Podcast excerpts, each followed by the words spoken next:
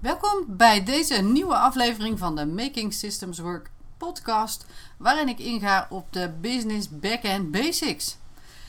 In deze aflevering wil ik het je, met je hebben over iets wat ik met regelmaat terughoor en dat gaat over dat ondernemers vinden dat processen in hun business niet nodig zijn. Het is too much, overkill, whatever. Dus wat je dan hoort is zoiets als processen. Nou, allemaal leuk en aardig, maar dat voegt echt niet iets toe aan mijn bedrijf. Het werkt echt fijn zoals het nu is. En het is verspilling van mijn kostbare tijd. Mijn klanten, die vind ik nou eenmaal belangrijker, dus daar besteed ik dan mijn tijd aan. Ik hoor vaak dat het in die eh, business lekker draait en uh, dat het niet zinvol is omdat het dan eh, omdat het lekker loopt, om het ook nog eens in beton, tussen quotejes, vast te leggen.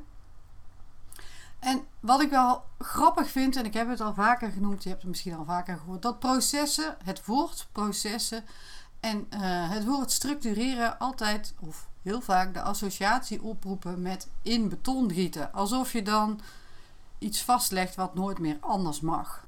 En als ondernemer zou je ook beter moeten weten, want het is maar net hoe jij het inricht, wat jij wil.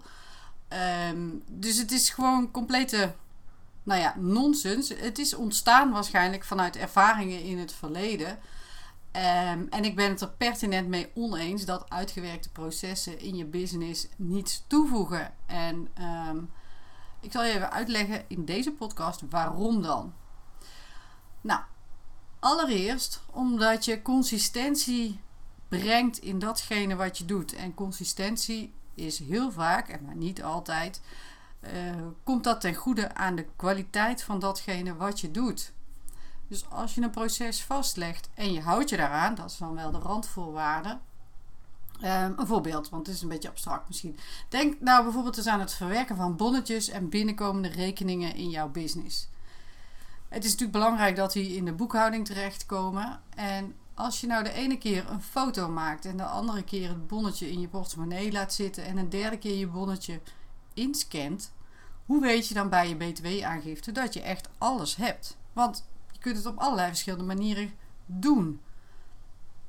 Terwijl als je natuurlijk één methode kiest, altijd een foto maken en die opsturen of altijd in je portemonnee laten zitten, het maakt uiteindelijk niet uit welke keuze je maakt.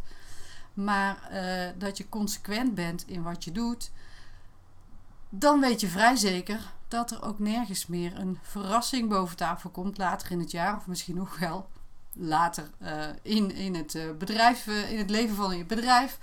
Dus eigenlijk helpt het jezelf, of jij helpt jezelf, enorm, omdat het op een later moment gewoon tijd spaart. Je hoeft dat niet meer te gaan zoeken op het moment van die BTW-aangifte. Van heb ik, nou, heb ik nou echt alles? En als ik twijfel, waar kan ik dan gaan zoeken? En dit is één voorbeeld, maar er zijn natuurlijk legio voorbeelden te bedenken in jouw bedrijf. En een beetje afhankelijk van wat voor business je hebt. Maar in principe zijn er heel veel taken die met regelmaat terugkomen. En zeker die taken die uh, niet misschien rechtstreeks gerelateerd zijn aan hoe jij je klanten helpt. Of dat nou is met het maken van websites of online academies of met het coachen dat heb je misschien wel redelijk consistent ingeregeld. Maar heel veel andere taken kun je ook heel consistent inregelen en daardoor bespaar je uiteindelijk tijd, want je moet natuurlijk één keer een beslissing nemen over hoe je dat doet. Dan heb je, omdat je een standaard manier van werken ingeregeld hebt, een mogelijkheid om met veel meer gemak, veel minder tijdsinvestering taken uit te besteden aan iemand als je daaraan toe bent. Misschien wil je dat nu helemaal nog niet. Maar als jij zelf aan het roer staat en jij regelt je processen goed in, dan gaat het je zeker tijd en geld opleveren op het moment dat je wel toe bent aan uitbesteden. Bedenk maar eens hoe dat gaat. Hè? Je bent eraan toe om een VA in te huren. Het is lekker losjes. Je doet alles gewoon op je eigen manier, wanneer je wil en hoe je wil. Maar dan huur je een VA, een VA in om je social media posts in te plannen. Wat gaat die VA dan vragen? Die gaat natuurlijk vragen hoe je dat normaal zelf doet. Waar jij je teksten en je afbeeldingen opslaat, waar er uh, eventueel een planning te vinden is, hoe ze achter die gegevens kan komen, hoe ze de dingen uh, moet laten goedkeuren als dat in het proces past. Allemaal super logische vragen vanuit het perspectief van die. Als het bij jou allemaal, om het maar even zo te noemen, een zootje is, eh, dan moet je dat op dat moment gaan structureren. Of je laat dat doen door die VA. Maar ja, dan leg je het in feite in de handen van iemand anders. En als je het goed georganiseerd hebt, zijn de opstartkosten voor die VA lager. Maar ook elke keer dat zij uren besteedt, is het natuurlijk duidelijk hoe hoe het allemaal werkt. Dus het is gewoon. De kosten blijven binnen de perken, om het zo maar te zeggen. Want je hebt minder tijd nodig om de juiste content te vinden. Je hebt minder afstemming nodig. Het is duidelijk uh, hoe je met elkaar communiceert. En uh, het is duidelijk wat jij precies wil en niet. Het is dus gewoon voor zo'n VA ook veel fijner om een vliegende start te maken. En dat geeft een fijne ervaring en een goede basis voor jullie samenwerking. Lijkt mij. Want ook een VA kan afhaken op basis van dat jij er een zootje van hebt gemaakt, om het zo maar te zeggen. En misschien lijkt het nou wel of ik een beetje zit te zeiken, omdat ik processen nou eenmaal heel belangrijk vind. En dat ik de software die je daarbij gebruikt heel erg uh, belangrijk vind en dat dat op maat is. Maar jij doet jezelf ook een enorm groot plezier. Je bespaart jezelf enorm veel frustraties. Want heb je enig idee van hoeveel frustratie ondernemers opbouwen door steeds maar bezig te zijn met brandjes blussen, hetzelfde wiel uitvinden, het zoeken naar bestandjes, standaard tekstjes, e-mails, andere informatie? Misschien herken je het zelf ook wel en heb je ook wel het gevoel van, ach, dat roept inderdaad ongelooflijk veel frustraties op. En ehm, frustratie is niet goed voor je. Het is niet goed, maar het is ook helemaal niet leuk. En als het dan ook nog eens niet nodig is, dan is het helemaal zonde. Die frustratie die komt uh, voort uit steeds afgeleid raken, omdat dingen niet lekker georganiseerd zijn. Je kan niet doorwerken met je klanten, omdat er dingetjes tussendoor komen die anders geen plekje hebben.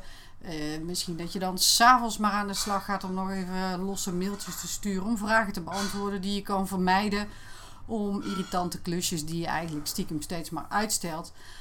Of voor de tiende keer hetzelfde bestandje op je computer gaan opzoeken. Terwijl je denkt, oh, dat had ik toen en toen ook al gedaan. En toen had ik het eigenlijk beter zullen organiseren. Maar daar heb ik geen tijd voor genomen. En uiteindelijk bespaar je jezelf dus enorme frustratie als je dat allemaal wat netter organiseert. En nogmaals, je hoeft niks in beton te gieten. Je kunt gewoon echt met een paar simpele stappen een heleboel bereiken op dit vlak. En je hoeft het niet per se alleen van mij aan te nemen. Ik heb, zoals je waarschijnlijk wel weet, een hele serie interviews gedaan met succesvolle online ondernemende vrouwen. En een heel aantal van die vrouwen zijn het met mij eens. Luister maar even die podcastafleveringen. Dat zit ergens tussen de 3 en de 18, geloof ik. Allemaal verschillende uh, ondernemers, verschillende bedrijven.